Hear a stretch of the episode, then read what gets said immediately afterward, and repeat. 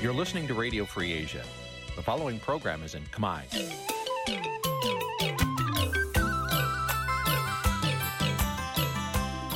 Nǐ ជាកម្មវិធីផ្សាយ Vuthu Azizi Serai នេះជាកម្មវិធីផ្សាយរបស់ Vuthu Azizi Serai ជាភាសាខ្មែរ Vuthu Azizi Serai សូមស្វាគមន៍លោកអ្នកនាងទាំងអស់ពីរដ្ឋធានី Washington នៃសហរដ្ឋអាមេរិក បាទពីរដ្ឋធានីវ៉ាស៊ីនតោនខ្ញុំបាទសេកបណ្ឌិតសូមជម្រាបសួរអស់លោកអ្នកនាងកញ្ញាទាំងអស់ជាទីមេត្រី បាទយើងខ្ញុំសូមជូនកម្មវិធីផ្សាយសម្រាប់រាត្រីថ្ងៃសៅរ៍14កើតខែបឋមសាទឆ្នាំថោះបច្ចស័កពុទ្ធសករាជ2567ត្រូវនៅថ្ងៃទី1ខែកក្កដាគ្រិស្តសករាជ2023បាទជាដំបូងនេះសូមអញ្ជើញអស់លោកអ្នកនាងស្ដាប់ព័ត៌មានប្រចាំថ្ងៃដែលមានមេតិការដូចតទៅ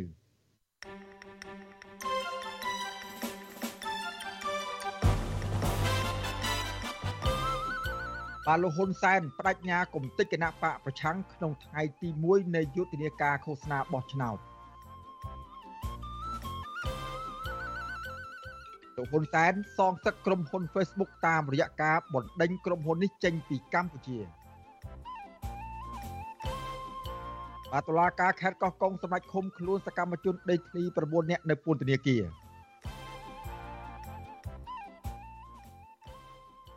តើ គួរមានច្បាប់គ្រប់គ្រងការផ្សព្វផ្សាយពាណិជ្ជកម្មភេសជ្ជៈពើកម្លាំងដែរទេគាត់ថាកាន់មួយចំនួនទៀតបាទជាបន្តទៅទៀតនេះខ្ញុំបាទសេកបណ្ឌិតសូមជូនព័ត៌មានទាំងនេះពិស្ដាបាទលោកនាងកញ្ញាជាទីមេត្រីសេចក្តីរាយការណ៍ចាប់ផ្ដើមដំបូងនេះយើងចង់ពិនិត្យមើលអំពីជំភាពចម្រូងចម្រាសរវាងលោកនាយករដ្ឋមន្ត្រីហ៊ុនសែនជាមួយនឹងក្រុមហ៊ុន Facebook តើក្រុមហ៊ុន Facebook មានវាសនាអនាគតយ៉ាងណានៅប្រទេសកម្ពុជានោះបាទទោះបីជាលោកនាយករដ្ឋមន្ត្រីហ៊ុនសែនប្រកាសថានឹងមិនបិទបណ្ដាញសង្គម Facebook នៅកម្ពុជាក៏ដោយចុះតែរដ្ឋាភិបាល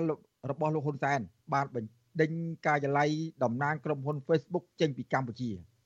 បាទសកម្មជនសិទ្ធិមនុស្សនិងអ្នកវិភាគចាត់ទុកថានេះជាការខាត់បងសម្រាប់កម្ពុជាគណៈក្រុមហ៊ុនមួយនេះ បានរួមចំណែកអភិវឌ្ឍចំណេះដឹងផ្នែកប្រព័ន្ធ Digital នៅកម្ពុជា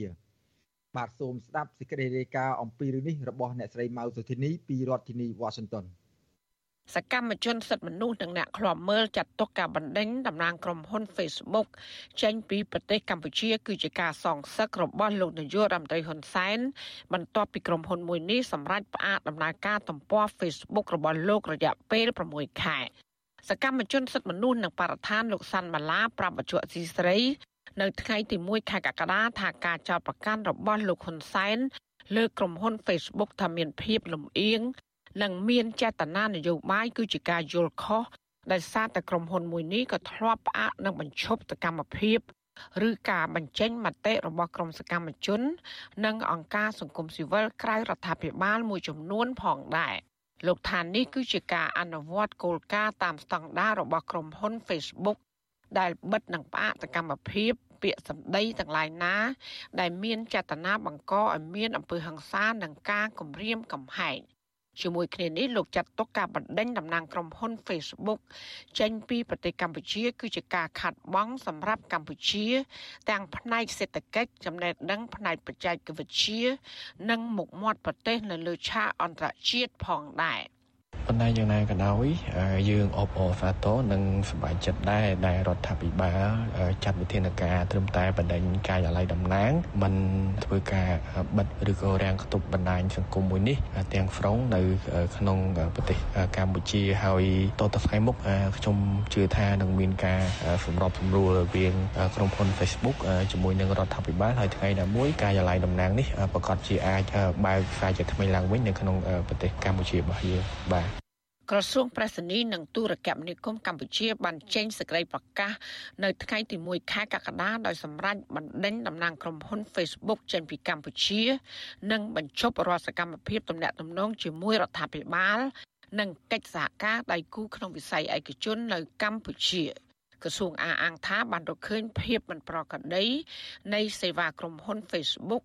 សម្រាប់អ្នកប្រើប្រាស់នៅកម្ពុជារួមមាន ការបង្កើតកណន័យខ្លែងបន្លំហានិភ័យ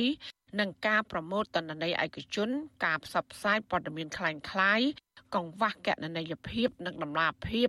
ហើយនឹងការជ្រៀតចូលកិច្ចការនយោបាយរបស់កម្ពុជាកាលពីយប់ថ្ងៃទី30ខែមិថុនាលោកហ៊ុនសែនចេញសារជាសម្លេងបន្ទាន់មួយប្រកាស ថាលោកមិនបិទបណ្ដាញសង្គម Facebook នៅកម្ពុជានោះទេ ក្រោយដែលលោកបានប្រកាសបិទកណន័យ Facebook ផ្ទាល់ខ្លួនរបស់លោក និងបានគម្រាមបិទដំណើរការ Facebook នៅកម្ពុជាបើសិនបើក្រុមអ្នកនយោបាយប្រឆាំងបន្តឌឺដង ចំពោះការបិទ Facebook របស់លោកដោយក្រុមហ៊ុនមេតាលោកបញ្ជាក់បន្ថែមថាទោះបីជាលោកមិនប្រើ Facebook ក៏លោកមានបណ្ដាញសង្គមផ្សេងទៀតដូចជា Telegram និង TikTok ព្រមទាំងប្រព័ន្ធផ្សព្វផ្សាយដូចជាទូរទស្សន៍និងវិទ្យុចាំផ្សាយពីលោកស្រេចរួចទៅហើយដូច្នេះគ្មានហេតុផលអ្វី ដែលខ្ញុំមានការចាំបាច់ដើម្បីនឹងប្រើ Facebook នាំចង្រៃខ្លួននោះទេហើយម្យ៉ាងទៀតគឺ Facebook ក៏ទទួលផលប្រយោជន៍ពីកម្ពុជាច្រើនណាស់យើងអាចមានវិធានការត្រឹមកម្រិតមិនឲ្យមានតំណាងក្រុមហ៊ុន Facebook នៅកម្ពុជាតែប៉ុណ្ណោះ វត្ថុអសីស្រីមិនអាចតាក់ទងអ្នកនាំពាក្យក្រសួងប្រៃសណីនិងទូរគមនាគមន៍គឺលោកមាសពោដើម្បីបកស្រាយបានទេ នៅថ្ងៃទី1ខែកក្កដាចំណែកឯតំណាងក្រុមហ៊ុនមេតាប្រចាំនៅកម្ពុជា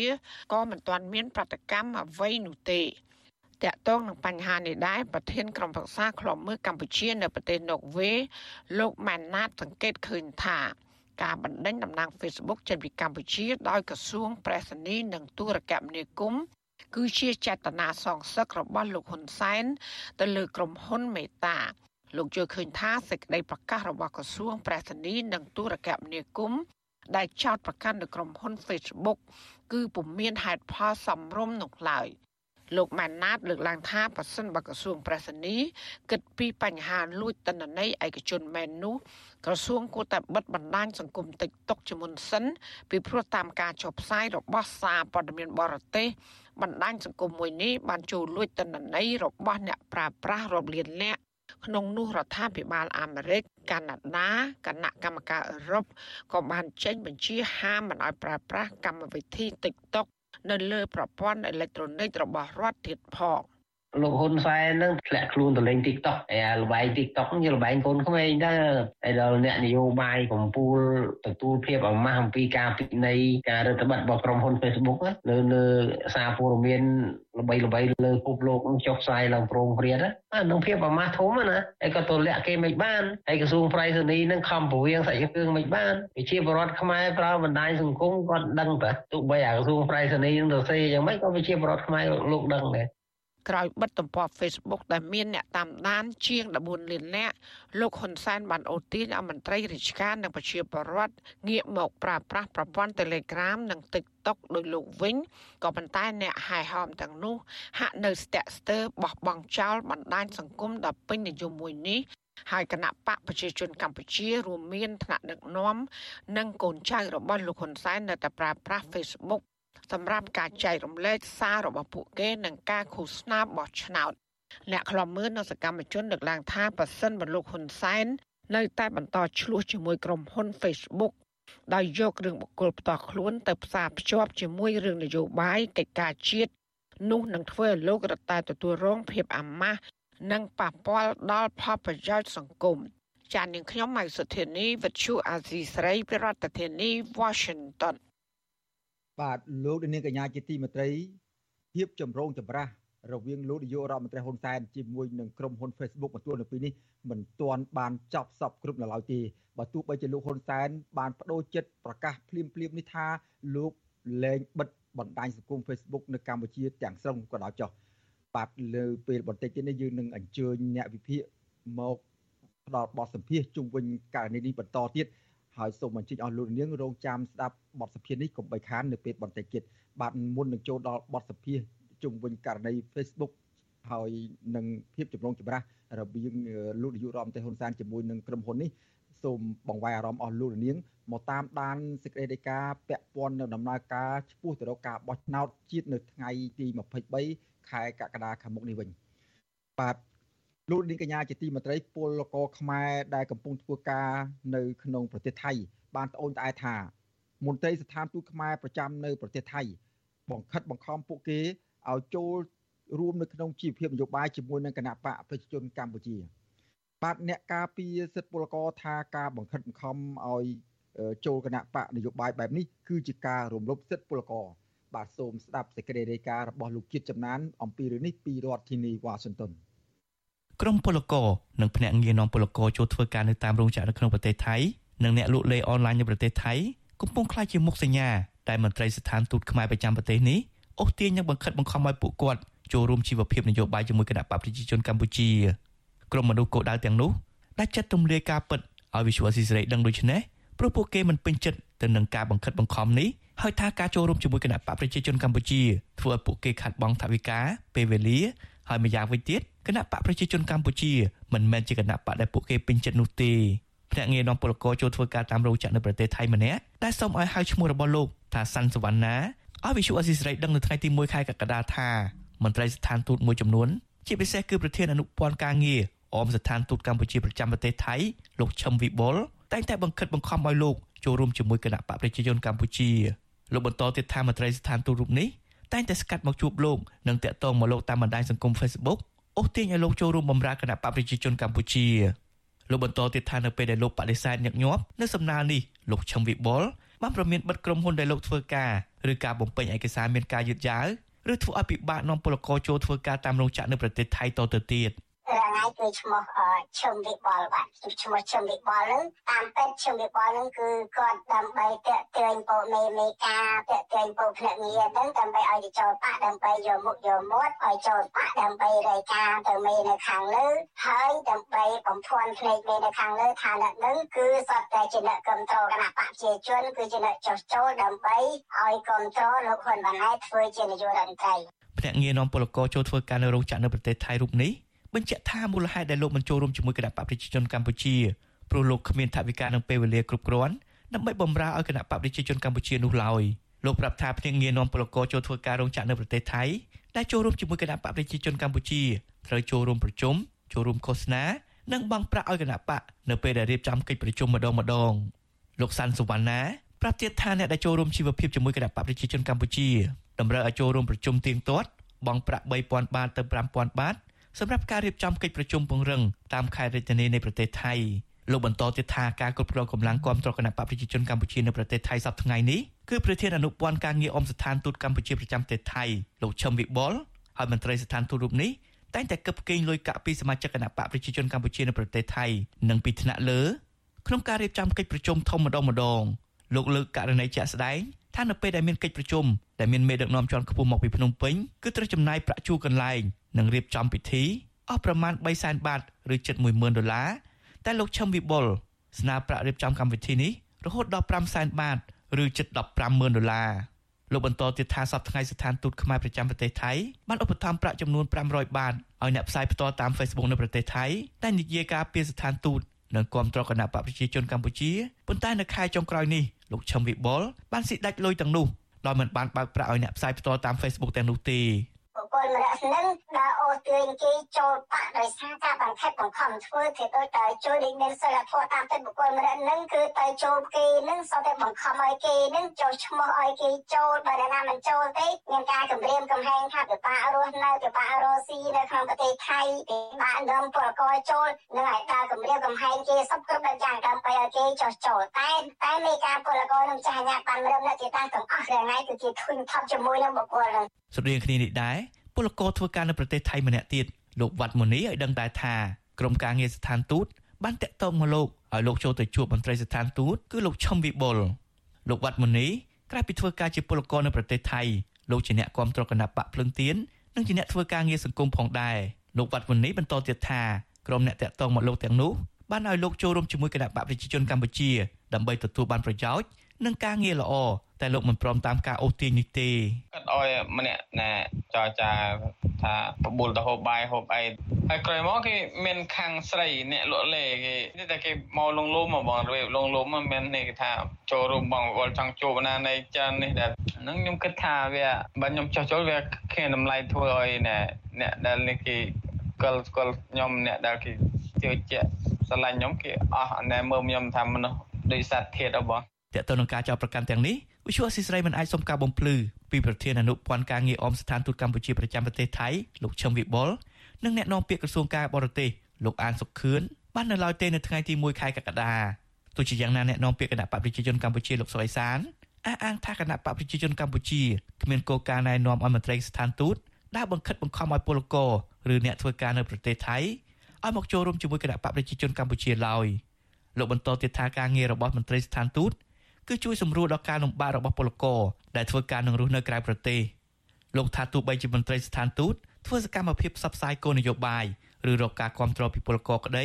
គឺមន្ត្រីស្ថានទូតទាំងនោះយកពេលសម្រាប់ពីការងាររបស់ពួកគេដើម្បីមកផ្សព្វផ្សាយតែប៉ុណ្ណោះ។ ជឿរឿងថាស្ថានទូតលោកមានសិទ្ធិទៅគម្រាមកំហែងក្រុមហ៊ុនទេពីព្រោះក្រុមហ៊ុននាំពលករវាពាក់ព័ន្ធអត់មានពាក់ព័ន្ធនឹងស្ថានទូតការងារស្ថានទូតទេវាពាក់ព័ន្ធពីចំណៈតំណងតែប៉ុណ្ណោះទេតែរឿងដែលមានកិច្ចសន្យាឬមានការណែនាំផ្សេងផ្សេងគឺពីក្រសួងការងារនិងបណ្ដុំបណ្ដាលវិជ្ជាជីវៈទេបាទអត់មានពាក់ព័ន្ធនឹងការណែនាំពីស្ថានទូតទេទោះជាយ៉ាងណាមន្ត្រីផ្នែកការពារសិទ្ធិពលករចំណាក់ស្រុកនៃអង្គការសង្ត្រាល់ ប្រចាំប្រទេសថៃលោកលឹងសុផុនលើកឡើងថា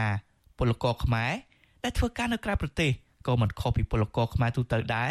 គឺពួកគេមានសិទ្ធិគ្រប់គ្រាន់ក្នុងការជ្រើសរើសគណៈបកនយោបាយដែលខ្លួនពេញចិត្តលោកសង្កេតឃើញថាកន្លងមកមានពលករនៅភ្នាក់ងារនាំពលករមកធ្វើការងារនៅប្រទេសថៃមួយចំនួនបានត្អូញត្អែពីករណីមន្ត្រីស្ថានទូតខ្មែរប្រចាំប្រទេសថៃដែលបង្ខិតបង្ខំឲ្យពួកគាត់ចូលរួមជាមួយគណៈបកប្រជាជនកម្ពុជា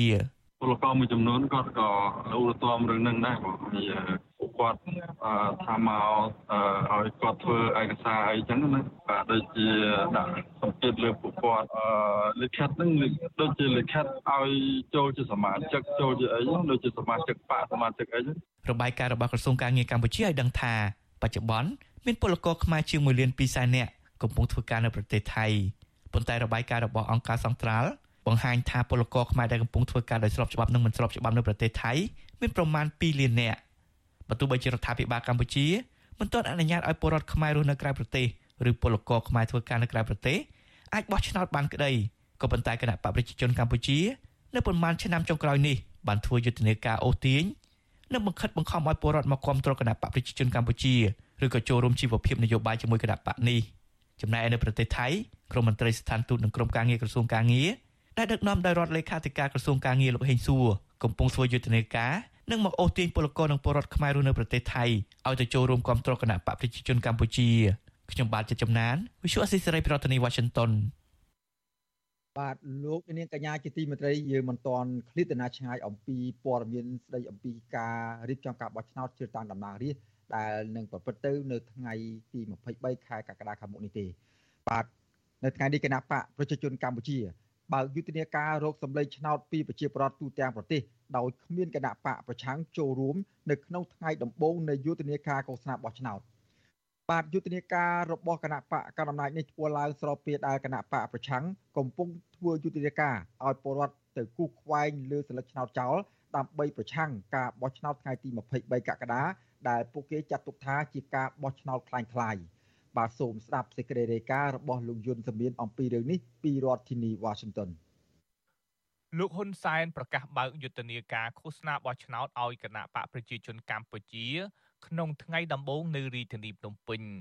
លោកហ៊ុនសែនដែលក្តោបក្តាប់យោធានិងតុលាការពេញដៃជំរុញឲ្យពលរដ្ឋបោះឆ្នោតឲ្យគណៈបកកណ្ដាលអំណាចដោយលោកអះអាងថាដើម្បីសុខសន្តិភាពនិងការរីកចម្រើនលោកហ៊ុនសែនក៏យកពេលឃោសនាទៅវិប្រហាគណៈបកប្រឆាំង ដោយបដិញ្ញាចិត្តកំទេចក្រុមគណៈបកប្រឆាំងណា ដែលលោកចោទថាបានបំផ្លាញសន្តិភាព និងញុះញង់ឲ្យវឹកវរសង្គមជាដើមគណៈបកប្រជាជនកម្ពុជាសូមប្រកាសនិងសូមការគ្រប់គ្រងពីជនរួមជាតិនៅកម្មវិធីនយោបាយសម្រាប់កសាងនិងការពារមាតុភូមិឆ្នាំ2023-2028ដើម្បីធានាការការពារសន្តិភាព និងនិរន្តរភាពលើមេគានៃការអភិវឌ្ឍ និងការលើកស្ទួយជីវភាពប្រជាជនឆ្ពោះទៅសម្រេចចក្ខុវិស័យកម្ពុជាឆ្នាំ2030ជាប្រទេសមានចំណូលមធ្យមកម្រិតខ្ពស់និងឈានទៅជាប្រទេសមានចំណូលខ្ពស់នៅឆ្នាំ2050គណៈបកកណ្ដាលអំណាចក្រៅពីឃោសនាទ្រង់ទ្រាយធំនៅរាជធានីភ្នំពេញហើយនៅតាមខេត្តទូទាំងប្រទេសក៏មានការជួបនិងហែក្បួនតាមដងផ្លូវដូចជានៅខេត្តកំពង់ចាមស្វាយរៀងបាត់ដំបង បន្ទាយមានជ័យសៀមរាបនិងកំពង់ធំជាដើមចំណែកគណៈបកផ្សេងផ្សេងវិញដូចជាគណៈបកផ្នែករួមជាតិគណៈបកហ្វុនស៊ិនពេជ្រគណៈបកឯកភាពជាតិខ្មែរនិងគណៈបកផ្នែកឈប់ក្រជាដើមក៏បើកយុទ្ធនាការឃោសនារោគសម្លេងឆ្នោតនៅភូមិសាស្ត្ររាជធានីភ្នំពេញនិងខេត្តមួយចំនួនទៀតដែរអ្នកនាំពាក្យគណៈបកហ្វុនស៊ិនពេជ្រលោកញឿនរ៉ាដែនប្រាប់វិទ្យុអាស៊ីសេរីថា នៅថ្ងៃទី1នៃការឃោសនាបោះឆ្នោតនេះ សមាជិកគណៈបកបានចាក់មីក្រូនិងដើរចែកខិត្តប័ណ្ណដើម្បីបញ្ជូនសារនយោបាយជូនពលរដ្ឋនៅតាមភូមិឃុំទូទាំងប្រទេសលោកឲ្យដឹងថានៅថ្ងៃទី2នៃយុទ្ធនាការឃោសនា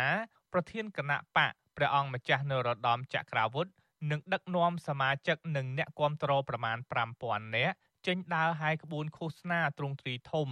នៅតាមផ្លូវសំខាន់សំខាន់នៅរាជធានីភ្នំពេញ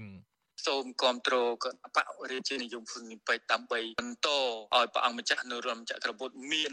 ឱកាសដើម្បីដឹកនាំប្រទេសជាតិជាពិសេសដើម្បីឲ្យរបបរាជានិយមនៅកម្ពុជាមានភាពរឹងមាំហើយជាពិសេសព្រះអង្គរួមចក្រពុទ្ធធានាថា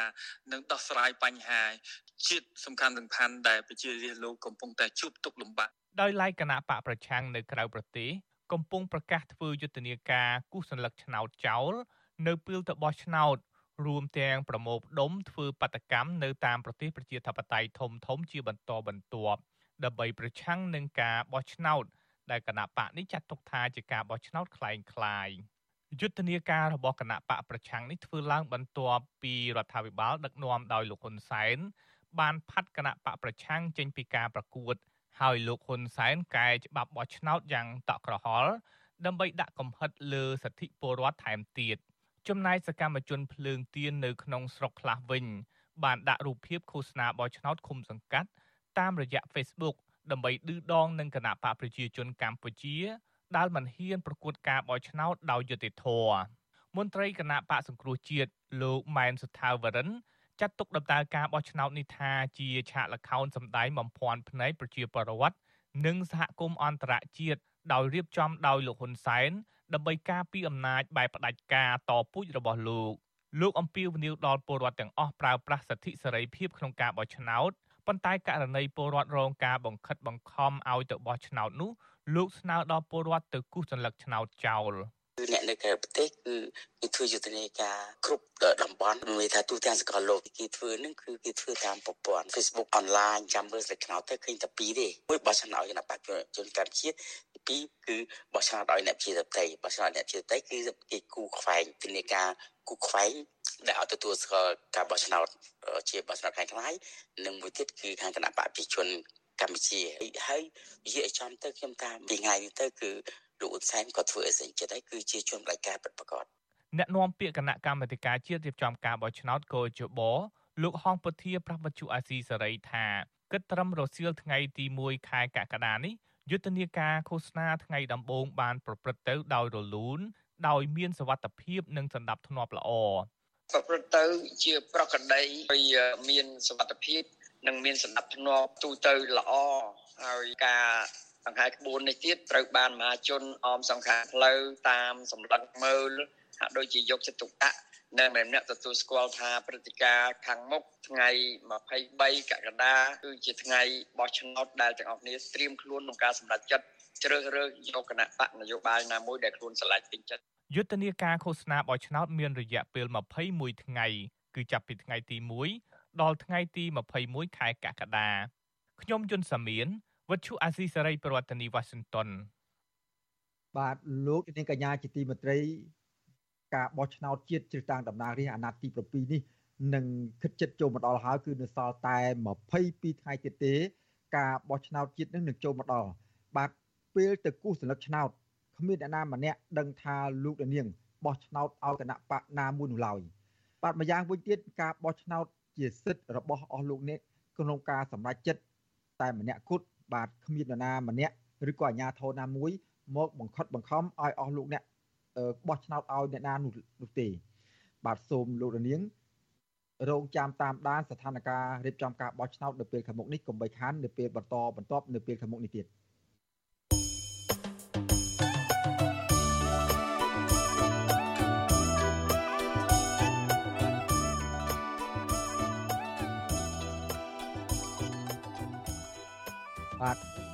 ទីព្រៃក្នុងតាមអាសកម្មផ្សាយ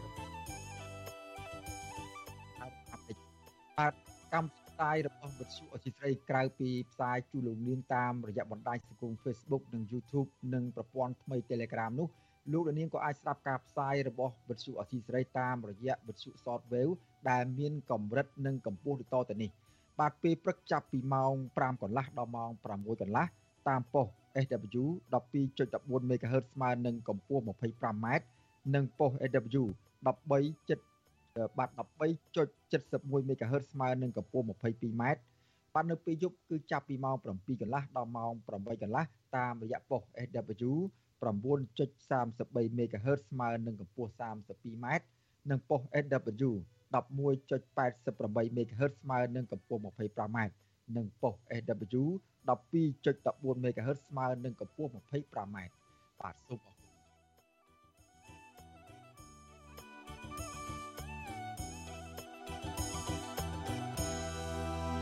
បាទលោកនាងកញ្ញាជាទីមេត្រីជាបន្តទៅទៀតនេះយើងទៅតាមដានស្ថានភាពចំនួនដីធ្លីនៅឯខេត្តកោះកុងរហូតមានការចាប់ប្រជាពលរដ្ឋតំណាងប្រជាពលរដ្ឋដាក់ពន្ធនាគារថែមទៀតផង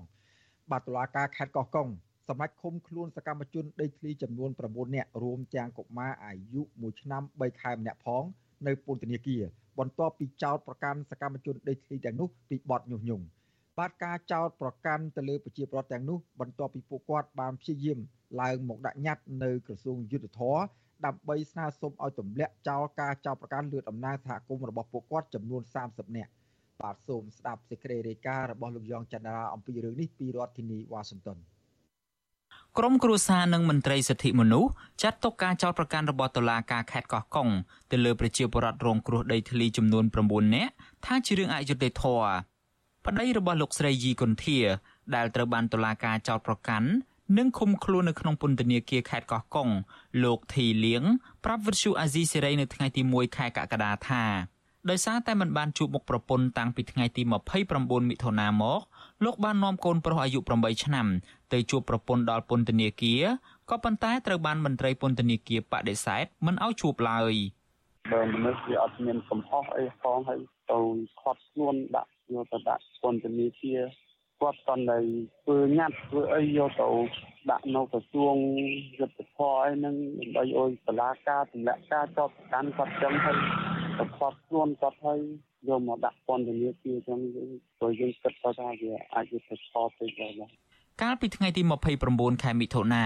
ក្រមសមត្ថកិច្ចខេត្តកោះកុងបានឃាត់ខ្លួនតំណាងប្រជាពលរដ្ឋមានទំនាស់ដីធ្លីចំនួន13នាក់បន្ទាប់ពីរារាំងរថយន្តដឹកពួកគាត់ដែលព្យាយាមធ្វើដំណើរឡើងមកដាក់ញត្តិនៅក្រសួងយុតិធធក្នុងរាជធានីភ្នំពេញក៏ប៉ុន្តែនៅក្នុងចំណោម13នាក់នោះតុលាការបានដោះលែង4នាក់ឲ្យនៅក្រៅឃុំស្ថិតនៅក្រោមការត្រួតពិនិត្យរបស់តុលាការ ចំណែក9នាក់ទៀតត្រូវបញ្ជូនទៅឃុំខ្លួននៅពន្ធនាគារក្នុងនោះមានលោកស្រីផាវយើង ដែលជាសកម្មជនដ៏លេចធ្លោម្នាក់ដែលត្រូវយកកូនប្រុសអាយុ1ឆ្នាំ3ខែមិនទាន់ដាច់ទឹកដោះផងនោះទៅនៅក្នុងពន្ធនាគារជាមួយគ្នាពួកគាត់ត្រូវបានតុលាការចោទប្រកាន់ពីបទញុះញង់ឲ្យប្រព្រឹត្តបទឧក្រិដ្ឋជាអាតដែលប្រឈមទៅនឹងការជាប់ពន្ធនាគារពី6ខែទៅ2ឆ្នាំ និងពិន័យជាប្រាក់ពី1លានរៀលទៅ4លានរៀល កូនប្រុសរបស់លោកស្រីផាវយើងលោកហងពិសិដ្ឋលើកឡើងថាម្ដាយរបស់លោកជាស្ត្រីមេម៉ាយដែលត្រូវមើលការខុសត្រូវកូនចំនួន7នាក់និងជាអ្នកមានជំងឺប្រចាំកាយលោកបន្តថាម្ដាយរបស់លោកទៅតែចេញពីមន្ទីរពេទ្យបាន3ថ្ងៃមុនពេលសមត្ថកិច្ចឃាត់ខ្លួនគាត់ជំងឺនឹងសិតតែជាជំងឺធ្ងន់ធ្ងរគាត់ត្រូវការលេបថ្នាំជាប្រចាំហើយខ្ញុំបានទៅតំណែងតំណងជាមួយនឹង ខាងពន្ធនាគារហ្នឹងគេអត់ឲ្យយើងចូលមើលគេដេញយើងចេញមកវិញហាមយើងអត់ឲ្យយើងចូលមើលចឹងជាមួយគ្នានេះប្រពន្ធរបស់លោកហេងជ័យដែលត្រូវតុលាការសម្រេចចោទប្រកាន់និងឃុំខ្លួននៅក្នុងពន្ធនាគារដែរនោះគឺលោកស្រីប៊ិចឆែតលើកឡើងថាលោកស្រីមានជំងឺពោកកប្រចាំកាយដែលមិនអាចធ្វើកិច្ចការងារធ្ងន់ឡើយ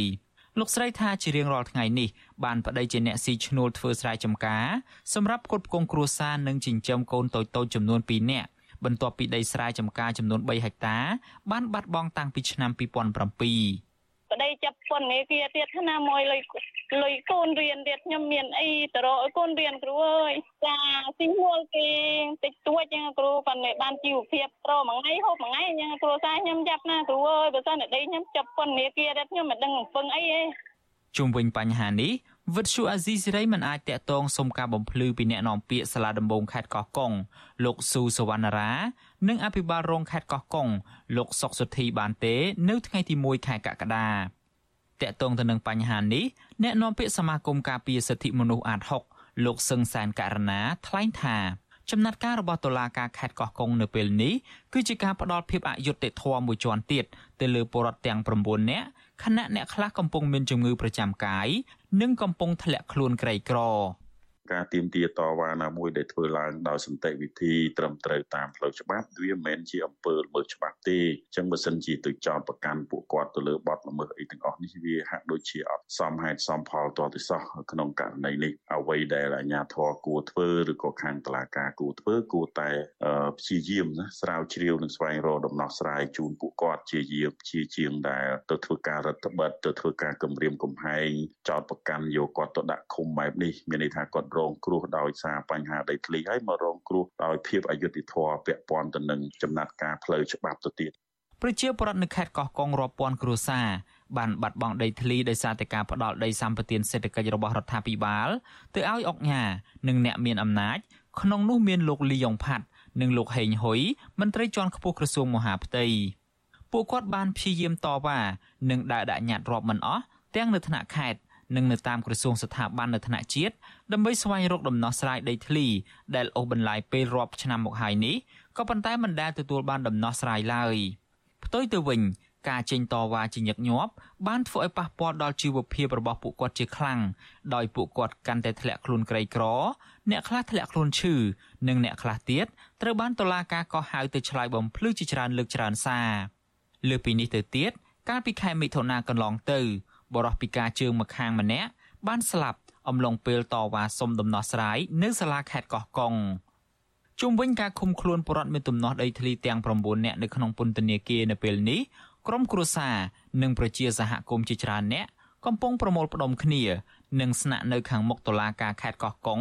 ដើម្បីទាមទារឲ្យតុលាការដោះលែងអ្នកទាំង9នាក់នោះឲ្យមានសេរីភាពវិញខ្ញុំយ៉ងច័ន្ទដារាវិទ្យុអាស៊ីសេរី Washington បាទលោកនាងកញ្ញាជាទីមេត្រីលោកនាងកំពុងតាមដានស្ដាប់ការផ្សាយរបស់វិទ្យុអសីសេរីពីរដ្ឋធានីវ៉ាស៊ីនតោនសហរដ្ឋអាមេរិកបាទរឿងរ៉ាវចម្រូងចម្រាសរបស់លោកនាយករដ្ឋមន្ត្រីហ៊ុនសែនជាមួយនឹងក្រុមហ៊ុន Facebook បន្ទួលនៅពីនេះនៅមិនទាន់ចប់សពគ្រប់ឡើយទេបាទទោះបីជាលោកបាទទោះបីជាលោកនាយករដ្ឋមន្ត្រីហ៊ុនសែនប្រកាសថានឹងមិនបិទបណ្ដាញសង្គម Facebook នៅកម្ពុជាក៏ដោយចុះក៏ប៉ុន្តែរដ្ឋាភិបាលរបស់លោកបានបណ្ដេញការឡែកតំណាងក្រុមហ៊ុន Facebook ចេញពីកម្ពុជាបាទ តើបញ្ហានេះវានឹងដល់ផលប៉ះពាល់យ៉ាងណាខ្លះទៅដល់ប្រទេសកម្ពុជាទៅដល់ប្រជាពលរដ្ឋកម្ពុជាដែលកំពុងប្រើប្រាស់បណ្ដាញ Facebook នៅក្នុងប្រទេសកម្ពុជាសប្តាហ៍នេះបាទបន្តិចទៀតនេះយើងនឹងអញ្ជើញអ្នកពិភាក្សានយោបាយមកបកស្រាយអំពីបញ្ហានេះសូមលោកនាងរងចាំស្ដាប់បទសភានេះនៅពេលបន្តិចនេះកុំបីខានបាទសូមអរគុណកម្មវិធី Vithu Azizi ស្រីសម្រាប់ទូរស័ព្ទដៃអាចឲ្យលោកអ្នកនាងអានអត្ថបទ ទស្សនាវីដេអូនិងស្ដាប់ការផ្សាយផ្ទាល់ដោយឥតគិតថ្លៃនិងដោយគ្មានការរំខានដើម្បីអាននិងទស្សនាមេតិការថ្មីថ្មីពី Vithu Azisari លោកអ្នកនាងគ្រាន់តែចុចបាល់កម្មវិធីរបស់ Vithu Azisari ដែលបានដំឡើងរួចរាល់លើទូរស័ព្ទដៃរបស់លោកអ្នកនាង ប្រសិនបើលោកអ្នកនាងចង់ស្ដាប់ការផ្សាយផ្ទាល់ឬការផ្សាយចាស់ចាស់សូមចុចលើប៊ូតុងរូបវិទ្យុដែលស្ថិតនៅផ្នែកខាងក្រោមនៃកម្មវិធីជាការស្រេច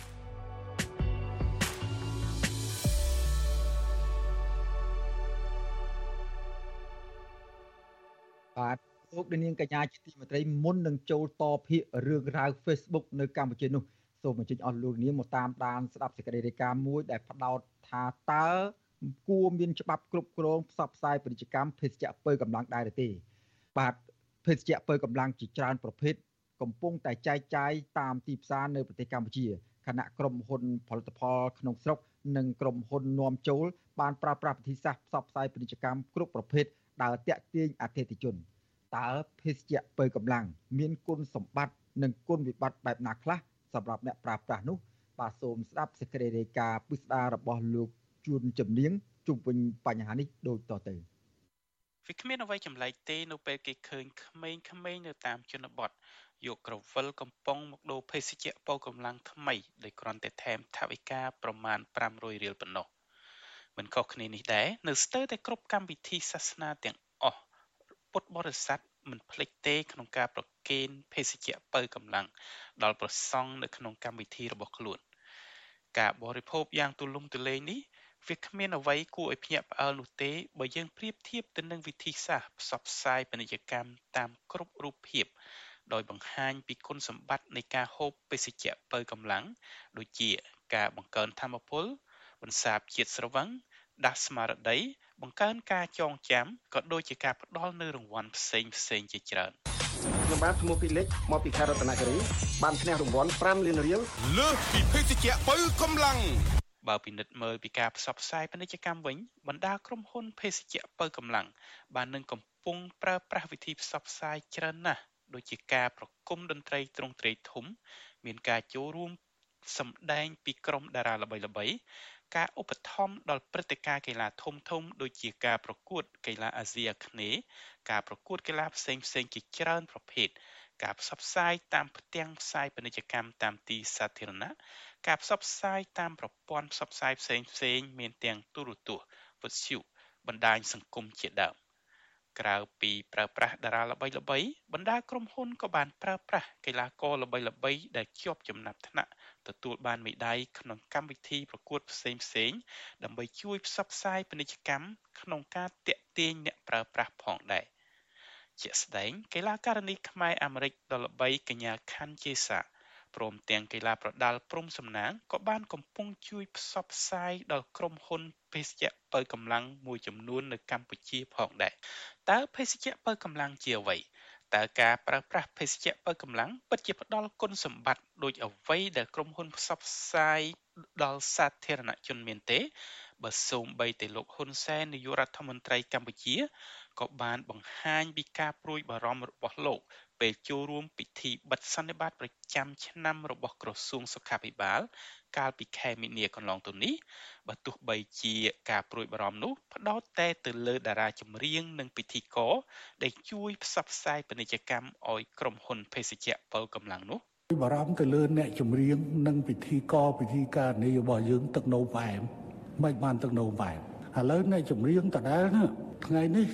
ជាងឲ្យខារ៉ាបាវ ទៅភ្លោះអាខារ៉ាបាវទៅស្អែកទៅអាបាកាសទៅភ្លោះអាបាកាសហ្នឹងទៅខានស្អែកជាងអីអ៊ីស្តានគោកអញ្ចឹងទេថ្ងៃក្រោយសុំ5ទៅក្មួយក្មួយអ្នកចម្រៀងក៏ដូចជាពិធីករពិធីការនីដែលព្រោះទៅទៅភ្លោះឲ្យគេប៉ុន្តែគ្រាន់តែលើកអញ្ចឹងបានហើយធ្វើដូចជាលេបអញ្ចឹងក្មួយក្មួយកុំទៅលេបអីច្រើនមុខណាស់មិនដឹងថាថ្ងៃក្រោយកើតអីទេ គេហទំព័រវិទ្យាសាស្ត្រនៃសាកលវិទ្យាល័យ Harvard សរសេរថាភេសជ្ជៈបើកម្លាំងគឺជាភេសជ្ជៈបន្ថែមរសជាតិដែលក្នុងមួយកំប៉ុងភេសជ្ជៈផ្សំពីស្ករប្រមាណ40ក្រាមកាហ្វេអ៊ីនប្រមាណ160មីលីក្រាមឬច្រើនជាងនេះអាស៊ីតអាមីណេផ្សេងផ្សេងនិងសារធាតុបន្ថែមផ្សេងផ្សេងទៀតដូចជាវីតាមីននិងយានសិនជាដើមមានការស្រាវជ្រាវច្រើនណាស់បង្ហាញទំនាក់ទំនងរវាងការប្រើប្រាស់ភេសជ្ជៈបើកម្លាំង និងគុណវិបត្តិដល់សុខភាពដូចជាមានភាពតានតឹងក្នុងអារម្មណ៍អាកប្បកិរិយាបែបហិង្សាសម្ពាធឈាមឡើងខ្ពស់បង្កើនហានិភ័យកើតជំងឺទឹកនោមផ្អែមប្រភេទទី2គុណភាពនៃការសម្រានមិនល្អពុកធ្មេញនិងការខូចតម្រងនោមជាដើមគុណវិបត្តិដល់សុខភាពខាងលើនេះអាចបណ្ដាលមកពីបរិមាណស្ករដ៏ច្រើនដែលភេសជ្ជៈមួយកំប៉ុងចំណុះកន្លះលីត្រមាន បរិមាណស្កររហូតដល់54ក្រាម ដែលបរិមាណនេះលើសពីបរិមាណស្ករអតិបរមាប្រចាំថ្ងៃ ដែលណែនាំដោយសមាគមបេះដូងសហរដ្ឋអាមេរិកហើយណែនាំឲ្យបរិភោគច្រើនបំផុតត្រឹម36ក្រាមសម្រាប់បុរសនិង24ក្រាមសម្រាប់ស្ត្រីមិនខុសគ្នានេះដែរសមាគមគ្រូពេទ្យកុមារសហរដ្ឋអាមេរិកផ្ដល់អនុសាសន៍ដល់ក្មេងជំទង់ដែលមានអាយុពី12ដល់18ឆ្នាំ មិនត្រូវបរិភោគភេសជ្ជៈមានជាតិកាហ្វេអ៊ីនលើសពី100មីលីក្រាមក្នុងមួយថ្ងៃនោះទេដូចនេះបរិមាណកាហ្វេអ៊ីនដែលមានវត្តមានក្នុងភេសជ្ជៈបើកម្លាំងមានច្រើនជាងរហូតដល់2ដងនៃអ្វីដែលសមាគមនេះបានផ្ដល់អនុសាសន៍អ្វីដែលមានហានិភ័យកាន់តែខ្លាំងជាងនេះទៅទៀតនោះគឺការនិយមប្រើប្រាស់ភេសជ្ជៈបើកម្លាំងលាយជាមួយនឹងគ្រឿងស្រវឹងដែលជានិន្នាការមួយមានការកើនឡើងក្នុងចំណោមយុវវ័យ ការប្រើប្រាស់គ្រឿងស្រវឹងលាយជាមួយភេសជ្ជៈបើកម្លាំងនេះធ្វើឲ្យការសេពគ្រឿងស្រវឹងកាន់តែមានបរិមាណច្រើន ជាជាងការសេពគ្រឿងស្រវឹងតែមួយមុខបើតាមការស្រាវជ្រាវបង្ហាញថាការសេពគ្រឿងស្រវឹងលាយជាមួយភេសជ្ជៈបើកម្លាំងក្នុងបរិមាណច្រើនបណ្ដាលឲ្យមានបញ្ហាដល់ប្រព័ន្ធប្រសាទបញ្ហាបេះដូងឬអាចឈានដល់ស្លាប់ក៏មានការកាត់បន្ថយផ្សាយពាណិជ្ជកម្មអាចជាវិធីមួយដើម្បីកាត់បន្ថយ ការប្រើប្រាស់ភេសជ្ជៈប៉ូវកម្លាំងដូចនឹងករណីការប្រើប្រាស់ផលិតផលថ្នាំជក់ដែរមុនពេលដែលមានច្បាប់គ្រប់គ្រងថ្នាំជក់នៅចូលជាធរមាននៅកម្ពុជា មានការផ្សព្វផ្សាយផលិតផលថ្នាំជក់ដោយប្រើប្រាស់រូបភាពប្រហាក់ប្រហែលទៅនឹងការផ្សាយពាណិជ្ជកម្មភេសជ្ជៈបើកម្លាំងដូចសពថ្ងៃនេះដែរអង្គការសុខភាពពិភពលោកបញ្ជាក់ថាការហាមឃាត់ការផ្សាយពាណិជ្ជកម្មបែបនេះ អាចទទួលបានជោគជ័យក្នុងការកាត់បន្ថយការប្រើប្រាស់ហើយអង្គការនេះក៏បានជំរុញឲ្យរួមគ្នាជាសកល ក្នុងការកាត់បន្ថយការប្រើប្រាស់និងកាត់បន្ថយផលប៉ះពាល់ដល់សុខភាពពីភេសជ្ជៈទាំងនេះដែរជាពិសេសគឺការកើនឡើងនៃជំងឺមិនឆ្លងដូចបានរៀបរាប់ខាងលើខ្ញុំជួនជំនាញវិទ្យុអាស៊ីសេរីបាទលោកនាងកញ្ញាជាទីមេត្រីដូចសន្យាទុកអញ្ចឹងថាយើងនឹង ចូលមកជជែកពិភាក្សាបន្ថែមទៀតជុំវិញរឿងរ៉ាវចម្រូងចម្រាសរបស់លោកនាយករដ្ឋមន្ត្រីហ៊ុនសែនជាមួយនឹងក្រុមហ៊ុន Facebook និងជជែកអំពីតើវាសនាអនាគតបណ្ដាញសង្គម Facebook នៅក្នុងប្រទេសកម្ពុជានឹងទៅជាយ៉ាងណាបាទជាការតភាកពីការជជែកពិភាក្សាពីថ្ងៃម្សិលមិញរបស់ វិទ្យាអ្នកស្ដាប់វិទ្យុអសីស្រីដែលលោកទីនសាការីយ៉ាបានសម្ភាសជាមួយប្រជាជនបុតបន្ទិញនិងអ្នកវិភាគសង្គមលោកកឹមសុខឥឡូវនេះយើងបានអញ្ជើញលោកកឹមសុខមកបន្តភាពទៀតហើយដោយសារតែលោកនាយករដ្ឋមន្ត្រីហ៊ុនសែនភ្លាមភ្លាមក្រោយបញ្ចប់កិច្ចការផ្សាយការផ្សាយរបស់វិទ្យុអសីស្រីក្នុងនីតិវិទ្យាអ្នកស្ដាប់នោះជាចៃដន្យមែនទែនលោកនាយករដ្ឋមន្ត្រីអត់សម្រាមទេ លោកនាយករដ្ឋមន្ត្រីឡើងបញ្ចេញសារបន្ទាន់មួយទាំងយប់ដោយប្រកាសថាលោកឈប់បិទ Facebook នៅកម្ពុជាហើយគាត់មិនល្ងងទៅធ្វើឲ្យខូចខាតដល់ផលប្រយោជន៍របស់ប្រជាពលរដ្ឋទេក៏ប៉ុន្តែភ្លាមៗលោកក៏បញ្ជាឲ្យបិទតំណាងក្រុមហ៊ុន Facebook នៅក្នុងប្រទេសកម្ពុជាតែម្ដងបាទលោកកឹមសុខចង់តបភាកពីម្សិលមិញទៀតដោយលោកកឹមសុខបានដឹងហើយតើតើការផ្លាស់ប្ដូរចិត្តលះតនចិត្តយ៉ាងដូចនេះតើវាមកពីបញ្ហាអ្វីដែរបាទ គាត់ថាគាត់មិនបិទទេគាត់មិនល្ងងទេវាធ្វើឲ្យប៉ះពាល់ទៅដល់ប្រជាពលរដ្ឋតាមពិតមិនមែនគាត់មិនចង់បិទទេតាមខ្ញុំដឹងរដ្ឋាភិបាលរបស់លោកនាយករដ្ឋមន្ត្រីហ៊ុនសែនមានគម្រោងបិទមិនត្រឹមតែបណ្ដាញសង្គម Facebook ទេ គឺបណ្ដាញសង្គមសេរីទាំងអស់នៅក្នុងព្រះរាជាណាចក្រកម្ពុជា ហើយពួកគេត្រៀមខ្លួនរួចទៅហើយប៉ុន្តែធ្វើមិនទាន់បានគេចង់ឡងសេ Weibo របស់ចិនបណ្ដាញសង្គមរបស់ចិនហើយគេកំពុងតែធ្វើយុទ្ធនាការរកញ៉ាត់គ្រប់គ្រងទៅទៀតហើយនៅពេលដែលគេអាចធ្វើរឿងនេះបានគេបិទបណ្ដាញសង្គមសេរីទាំងអស់នៅក្នុងព្រះរាជាណាចក្រកម្ពុជាក៏ប៉ុន្តែយ៉ាងណា ការដែលលោកនាយករដ្ឋមន្ត្រីហ៊ុនសែនថាមិនបិទពីព្រោះតែខ្លាចប៉ះពាល់ទៅដល់ផលប្រយោជន៍របស់ប្រជាពលរដ្ឋរឿងពាក្យថាខ្លាចប៉ះពាល់ទៅដល់ផលប្រយោជន៍របស់ប្រជាពលរដ្ឋណាគ្រាន់តែជាភាសាញុះញង់របស់គាត់ធ្វើឲ្យប្រជាពលរដ្ឋបាញ់ឈ្ពោះអន់ចិត្តនឹង Facebook ឬក៏អ្នកប្រឆាំងទៅវិញទេតាមពិតទៅមិនមែនរឿងខ្លាចប៉ះពាល់ដល់ប្រជាពលរដ្ឋទេរឿងបិទមិនបាន មូលហេតុអីបិទមិនបាន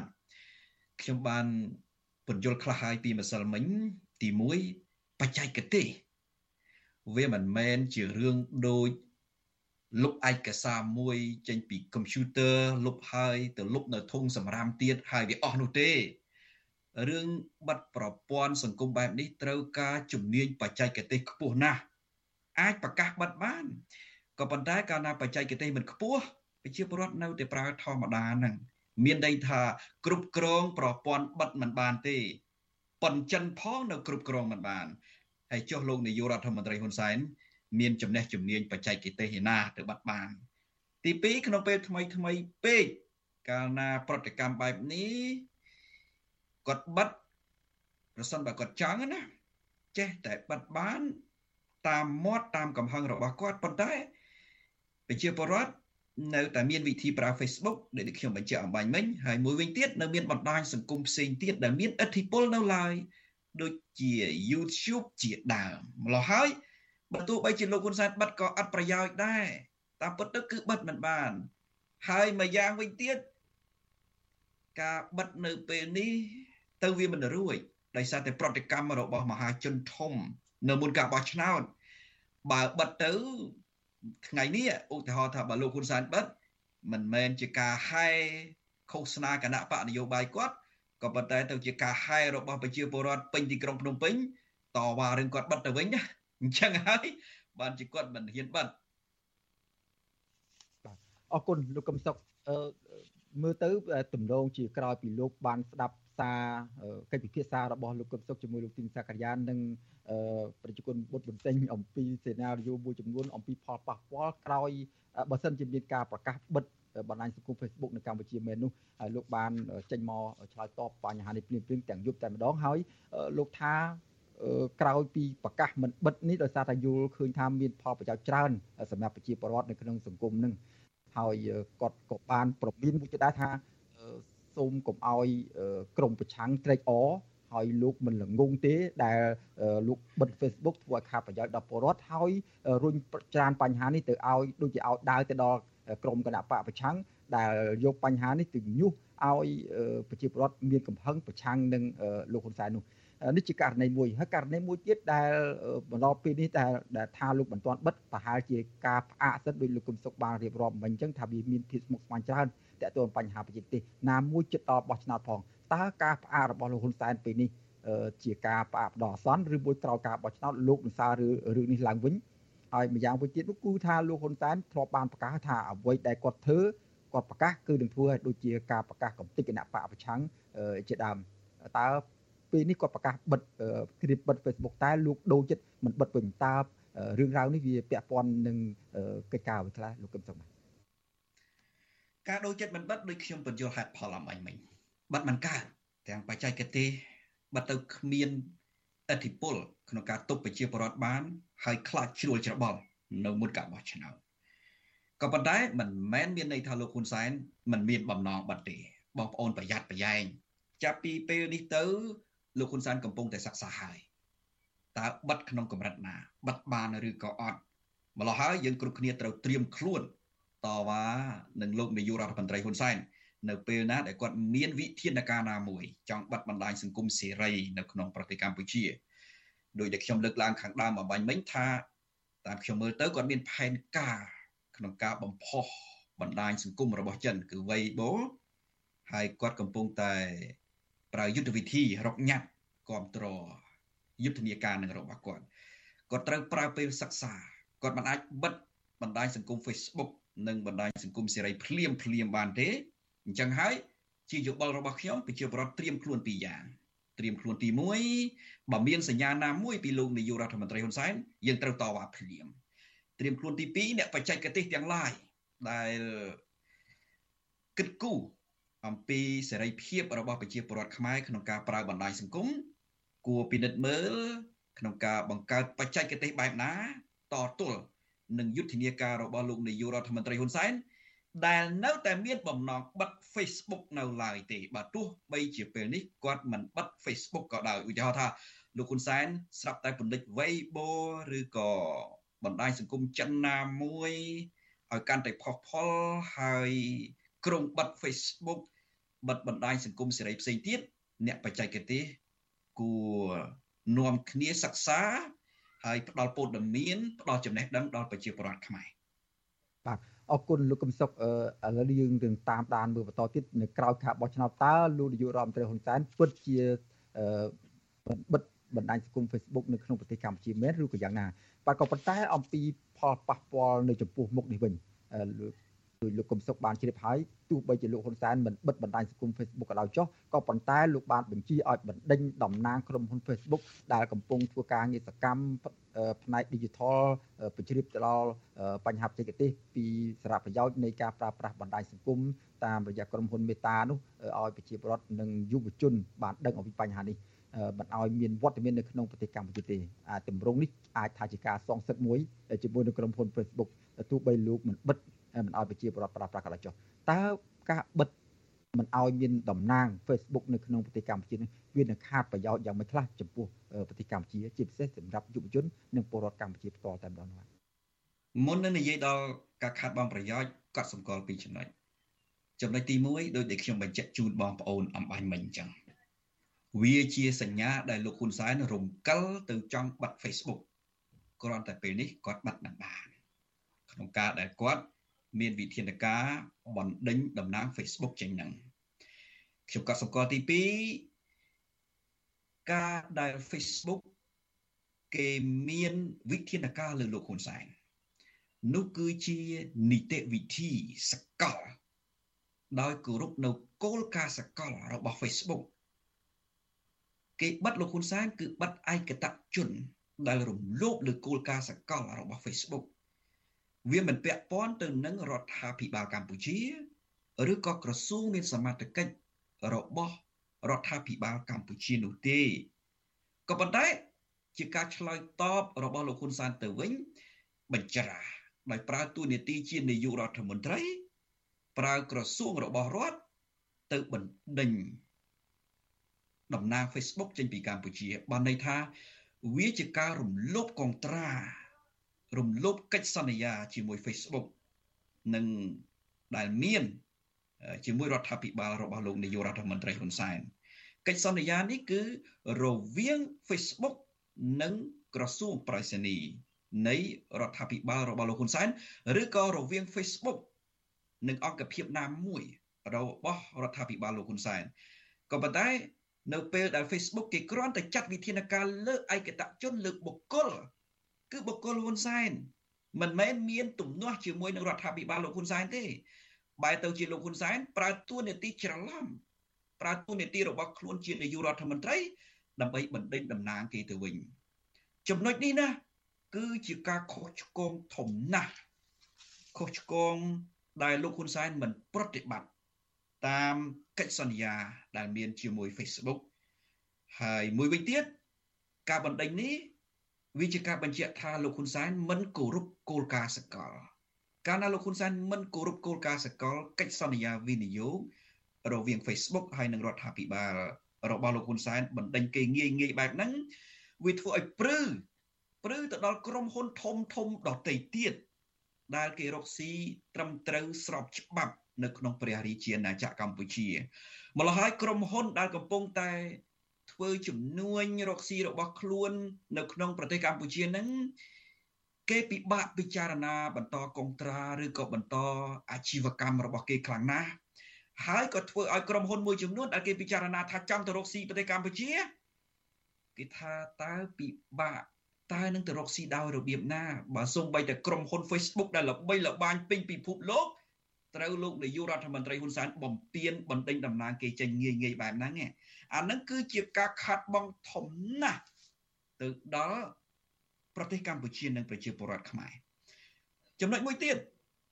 យើងគួរពិចារណាដែរ Facebook មិនមែនជាក្រុមហ៊ុន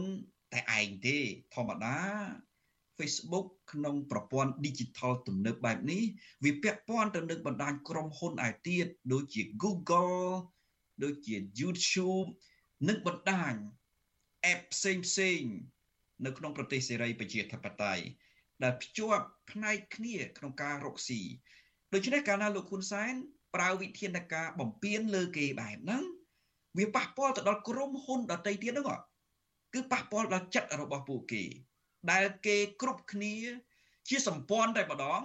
មើលឃើញថាលោកហ៊ុនសែនខុសខ្លួនឯងសោះបែរទៅជាមិនទទួលខុសហើយបែរជា ប្រើតួនាទីជានាយករដ្ឋមន្ត្រីចាត់វិធានការលើគេបំពេញលើគេអញ្ចឹងគេឈ្មោះអាក្រក់ហ្នឹងឯងខ្ញុំគិតថានឹងធ្វើឲ្យក្រុមហ៊ុនធំធំដែលមានទំនាក់ទំនងជារចនាសម្ព័ន្ធជាមួយនឹង Facebook ឬក៏សហការជាមួយ Facebook គេនឹងពិចារណាដាក់វិធានការណាមួយលើលោកហ៊ុនសែនហើយនៅថ្ងៃក្រោយក៏ប៉ុន្តែជាធម្មតាទេក្រុមហ៊ុនគេធំធំគេរកស៊ីថ្នាក់អន្តរជាតិគេមិនចាត់វិធានការបែបច្រងៀងចងាងទេគេធ្វើតាម របៀបរបបជាគោលការណ៍និងច្បាប់អន្តរជាតិក៏ប៉ុន្តែគេច្បាស់ជាមានវិធានការបែបណាមួយហើយកាលណាគេមានវិធានការគឺវាប៉ះពាល់ហើយដល់អ្នករកស៊ីនានានៅក្នុងប្រទេសកម្ពុជាមានន័យថាគេ lobby គ្នាគេគេ lobby ក្រុមហ៊ុនធំធំមិនឲ្យទៅរកស៊ីប្រទេសកម្ពុជា នៅពេលដែលកម្ពុជាដឹកនាំដោយលោកហ៊ុនសែនតែខាតនរណាគឺខាតប្រជាពលរដ្ឋខ្មែរអត់មានលំហវិនិយោគបរទេសធំធំ អត់មានលំហហិរញ្ញវត្ថុបរទេសចូលប្រទេសកម្ពុជាធំអត់មានការងារច្រើនអត់មានការងារច្រើន គឺយើងធ្លាក់ខ្លួនក្រលំបាកតោកយ៉ាក់វេទនាពីព្រោះស្រុកយើង គឺស្រុករកការងារធ្វើមិនមែនស្រុកបង្កើតចំនួនធំដុំដើម្បីធ្វើជាអ្នកមានទេក្នុងពេលបច្ចុប្បន្នក្រោមការដឹកនាំរបស់លោកនាយករដ្ឋមន្ត្រីហ៊ុនសែននេះម្ល៉េះហើយប៉ះពាល់ធំណាលោកអឺសេចបណ្ឌិតខ្ញុំមើលទៅមិនមែនជារឿងធម្មតាពេកទេ ប៉ុន្តែឲ្យខ្ញុំរៀបរាប់ចំណុចតូចតូចមួយមួយនោះពិតជាពិបាកអង្គុយរៀបរាប់ខ្លាំងណាស់ខ្ញុំសូមនិយាយលើលក្ខខណ្ឌធំធំនឹងទូទៅបែបនេះសិនបាទបាទអរគុណយើងតាមតាមបន្តទៀតតើក្រុមហ៊ុន Facebook ឬមួយក៏ក្រុមហ៊ុនមេតានេះនឹងមានប្រតិកម្មឆ្លើយតបជាមួយនឹងរដ្ឋាភិបាលកម្ពុជាយ៉ាងម៉េចនៅពេលដែលរដ្ឋាភិបាលកម្ពុជាសម្រេចភ្លាមភ្លាមបណ្ដេញក្រុមហ៊ុននេះចេញពីប្រទេសកម្ពុជានោះបាទ ឥឡូវនេះយើងចង់ងាកទៅមើលបណ្ដាញសង្គមចិនវិញម្ដងលោកគុំសុខតើបណ្ដាញបើសិនជាលោកនាយករដ្ឋមន្ត្រីហ៊ុនសែនសម្រេចកម្ចាត់បណ្ដាញសង្គម Facebook ដ៏ធំមួយពីប្រទេសកម្ពុជាហើយប្រឹងព្យាយាមផ្សាយពាណិជ្ជកម្មឲ្យប្រជាពលរដ្ឋប្រើប្រាស់បណ្ដាញសង្គមរបស់ចិនដែលកំពុងបណ្ដាញសង្គមមួយគេហៅថា TikTok នេះកំពុងតែល្បីនៅក្នុងស្ទាប់យុវវ័យនេះតើវានឹងផ្ដល់ផលប៉ះពាល់វិជ្ជមានជាអវិជ្ជមានយ៉ាងម៉េចចំពោះប្រទេសកម្ពុជា នៅពេលអនាគតបាទ អវិជ្ជមានធំ សម្រាប់ប្រជាពលរដ្ឋខ្មែរខ្ញុំនិយាយតែពីរយ៉ាងឯងទី1គឺប្រជាពលរដ្ឋខ្មែរបាត់ឱកាសពាណិជ្ជកម្មរបស់ខ្លួន នៅលើបណ្ដាញសង្គមពីព្រោះប្រជាពលរដ្ឋខ្មែររាប់ពាន់នាក់ប្រើបណ្ដាញសង្គមរកលុយក្រុមហ៊ុនរាប់រយខ្ញុំប្រើពាក្យថារាប់រយអញ្ចឹងទៅចោះប្រើបណ្ដាញសង្គមធ្វើពាណិជ្ជកម្មរបស់ខ្លួនរកលុយពីបណ្ដាញសង្គម Facebook បណ្ដាញសង្គមសេរីហ្នឹង ដូច្នេះអានេះប៉ះពាល់ផ្ទាល់ចំពោះសេដ្ឋកិច្ចប៉ះពាល់មួយទៀតទៅដល់ប្រជាពលរដ្ឋគឺប៉ះពាល់សន្តិសុខប្រជាពលរដ្ឋជាធម្មតាប្រទេសដែលដឹកនាំដោយដោយប្រទេសដែលដឹកនាំដោយជនផ្ដាច់ការដោយលោកហ៊ុនសែននេះទោះបីជាប្រជាពលរដ្ឋខំទប់អារម្មណ៍ប៉ុណ្ណាក៏ដោយវាគង់តែថ្ងៃណាមួយគាត់ភ្លាត់គាត់និយាយនៅពាក្យសម្ដីដែលប៉ះពាល់អារម្មណ៍លោកហ៊ុនសែនដូច្នេះ បើប្រើបណ្ដាញសង្គមរបស់ចិនដែលចិនគ្រប់គ្រងគេអាចចូលប្រមូលទិន្នន័យងាយងាយគេធ្វើឲ្យប្រជាពលរដ្ឋក៏ជួបអសន្តិសុខងាយងាយបានដែរនេះអសន្តិសុខចំពោះប្រជាពលរដ្ឋណាបើនិយាយអំពីប្រទេសជាតិវិញបើកាលណាកម្ពុជាបណ្ដេញចេញ